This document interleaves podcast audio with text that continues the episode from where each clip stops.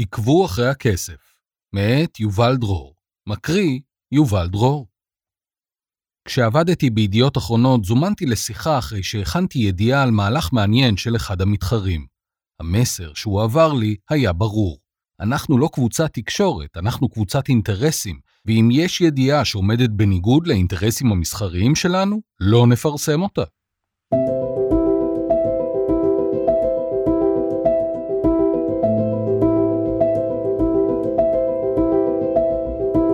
בחמישים השנים האחרונות הוקרנו ושודרו כמה סרטי קולנוע וסדרות טלוויזיה שהשפיעו על האופן שבו הציבור תופס מקצועות שונים ויצרו גל חדש של מתגייסים. המרוץ אחר הגלימה, שהציגה בסוף שנות ה-70 את המאבק של סטודנטים למשפטים להצטיין, ופרקליטי LA, שהציג באמצע שנות ה-80 את חייהם של עורכי הדין, דחפו דור שלם של צעירים למקצוע עריכת הדין. תהילה שהציגה סטודנטים לאומנות, בלוז לכחולי המדים שהציגה את עבודת השוטרים, ו-ER שהציגה את עבודת הרופאים, כולן עשו נפלאות לתחומים שבהם עסקו, שכן אף שהוצגו בהן דילמות וקשיים, הן מסגרו את עבודת עורך הדין, השוטר או הרופא בצבעים רומנטיים, וקשרו להם מושגים כמו ערכים, שליחות ואתגר. ההשפעה של התרבות הפופולרית על שוק העבודה כל כך גדולה, שבחיל האוויר האמריקאי התרגשו מאוד כשסרט ההמשך לאהבה בשחקים יצא לאקרנים. הסרט עוסק בטייסי הצי האמריקאי, לא בטייסי חיל האוויר, אבל מה זה משנה? יש שם אמריקאים, הם טסים במטוסים. מצוין, אפשר להשתמש בזה ככלי לגיוס צעירים. גם מקצוע העיתונאות על הרומנטיקה המיוחסת לו, תואר באין ספור יצירות טלוויזיוניות וקולנועיות. נדמה שהסרט שעשה את השירות הגדול ביותר למקצוע הוא כל אנשי הנשיא, של אלן ג'יי פאקולה. דסטין הופמן ורוברט רדפורד מגלמים בכל אנשי הנשיא את קארל ברנסטין ובוב וודוורד, עיתונאי הוושינגטון פוסט שחשפו את פרשת ווטרגייט. הסרט זכה בארבעה פרסי אוסקר ובוויקיפדיה טוענים שהוא גרם לעלייה בשיעור הנרשמים לחוגי תקשורת בארצות הברית. זה לא מפתיע. הסיפור על שני העיתונאים הצעירים שהצליחו לחשוף את השערורייה הפוליטית הגדולה בתולדות ארצות הברית הוא סיפור נפלא, אבל לא פחות נפלא ממנו הוא הסיפור על הנהלת העיתון שבו עבדו באותה התקופה. לפני כמה חודשים הגיעו וודוורד וברנסטין לאולפן של סטיבן קולבר, מנחה ה Late Show. במהלך הריאיון, ברנסטין סיפר סיפור קצר על אותה התקופה. לדבריו, יום אחד הגיע לעיתון אדם ובידיו זימון משפטי שדורש ממנו למסור את כל המסמכים והעדויות שאסף. ברנסטין הלך לעורך שלו, בן ברדלי, ושאל אותו מה לעשות. ברדלי אמר לו שהוא הולך לדבר עם בעלת העיתון והמוציאה לאור, קטרין גרם.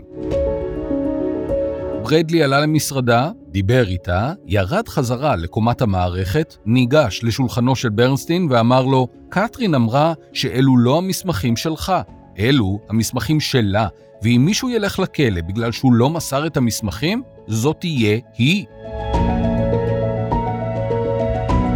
ברנסטין הודה שעד היום הוא נרגש מהמחשבה על הרגע הזה, וסיכם, זה אחד הרגעים הגדולים ביותר בהיסטוריה של העיתונות. קשה שלא להסכים איתו. וכעת, כפי שאומרים במונטי פייתון, למשהו אחר לגמרי.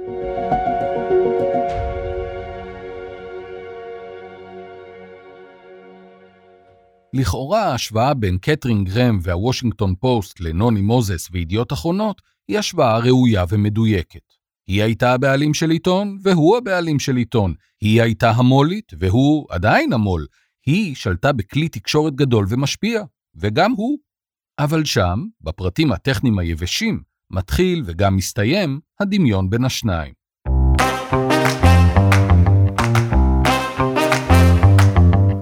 בעוד שכל אנשי הנשיא מבוסס על סיפור אמיתי המספר את סיפורם של עיתונאים אמיתיים, עורכים אמיתיים ומוציאה לאור אמיתית, עבור אנשי ידיעות אחרונות, הוא יכול היה באותה מידה להיות סיפור מדע בדיוני, מלחמת הכוכבים, אולי סופרמן, שהרי גם הוא עוסק באדם שעובד בעיתון.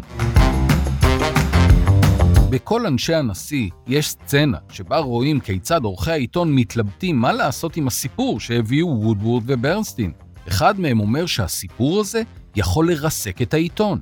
הם מתלבטים, הם חוששים, אבל בסופו של דבר הם מגבים את צמד העיתונאים שלהם והולכים על הסיפור בכל הכוח.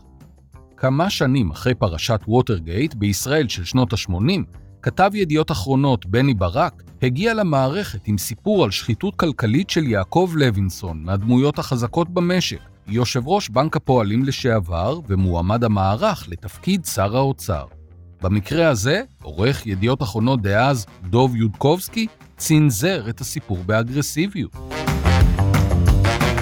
רק אחרי שנחשפים למסכת הקשרים בין הנהלת ידיעות אחרונות והעומד בראשה לבין בנק הפועלים, מתחילים להבין את עמדת העיתון בסוגיות שונות.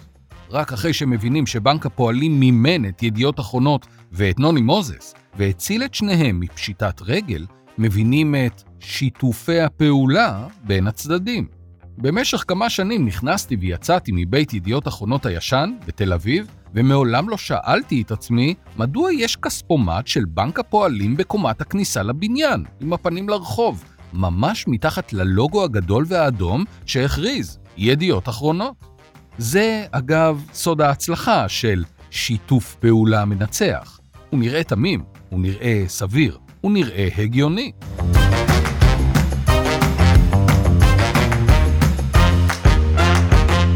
כמה מקוראי ידיעות אחרונות יודעים שבנק הפועלים היה עד לא מזמן בעל מניות בעיתון? כמה קוראים מהרהרים בקשר שבין ההלוואות האישיות שהעמיד הבנק לבעלים של העיתון, לבין עמדת כלכליסט, העיתון הכלכלי מבית ידיעות אחרונות, בסוגיות הקשורות בבנק פועלים. הוושינגטון פוסט היה גוף עסקי. הוא היה צריך לשלם משכורות, למכור פרסומות, לשלם חשבונות. למרות זאת, לפחות בתקופת הזוהר שלו, אנשיו זכרו מדוע בא לעולם, ומהי השליחות שלו. שיטת ידיעות אחרונות, סדרת כתבות התחקיר של העין השביעית, מעלה שידיעות אחרונות הוא גוף ששכח מזמן שהוא לא עוד מפעל, הוא לא עוד ארגון שמדפיס טקסט על נייר, הוא לא עוד מקום עבודה. במובנים מסוימים, תמיד הרגשתי בזה. בתקופה שבה עבדתי בידיעות אחרונות, בין 2005 ל-2008, כתבתי על אתרי האינטרנט המקומיים. יום אחד שלחתי ידיעה על מהלך מעניין שביצע אתר תפוז, או אתר נאנה, או אחד מאתרי התוכן האלו שכבר מזמן התפגרו, אבל באותה תקופה עדיין איימו על ynet של ידיעות אחרונות. אני זוכר שזומנתי לשיחה עם האורחים הבכירים ביותר בעיתון, ובה התבקשתי להגן על הדרישה שלי לפרסם את הידיעה. למה שנפרסם ידיעה מפרגנת על המתחרים שלנו? שאל אותי בכעס עורך בכיר. בגלל שזו ידיעה חשובה? עניתי. בגלל שזה תחום שאני מסקר, ואני עיתונאי, ואני עובד בעיתון? אותו עורך, שאחר כך התקדם בעיתון ובימים אלו עושה חיל גם מחוצה לו, לא השתכנע.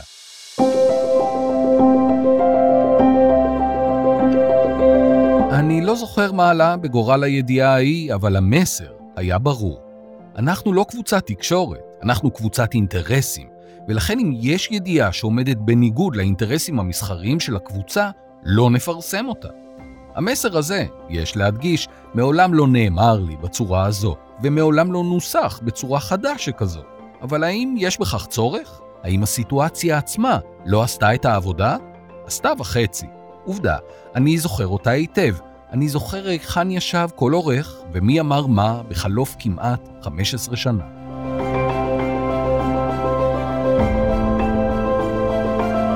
למרבה הצער, אנשי ידיעות אחרונות לא יכולים ליישם כמעט דבר מכל אנשי הנשיא. אבל זה לא אומר שהסרט חסר תועלת במקרה של ידיעות אחרונות. הסלוגן, עקוב אחר הכסף, שהפך לשורת המחץ של הסרט ולקלישה עיתונאית, היה כה מוצלח כיוון שהוא המפתח שפתח את הכל.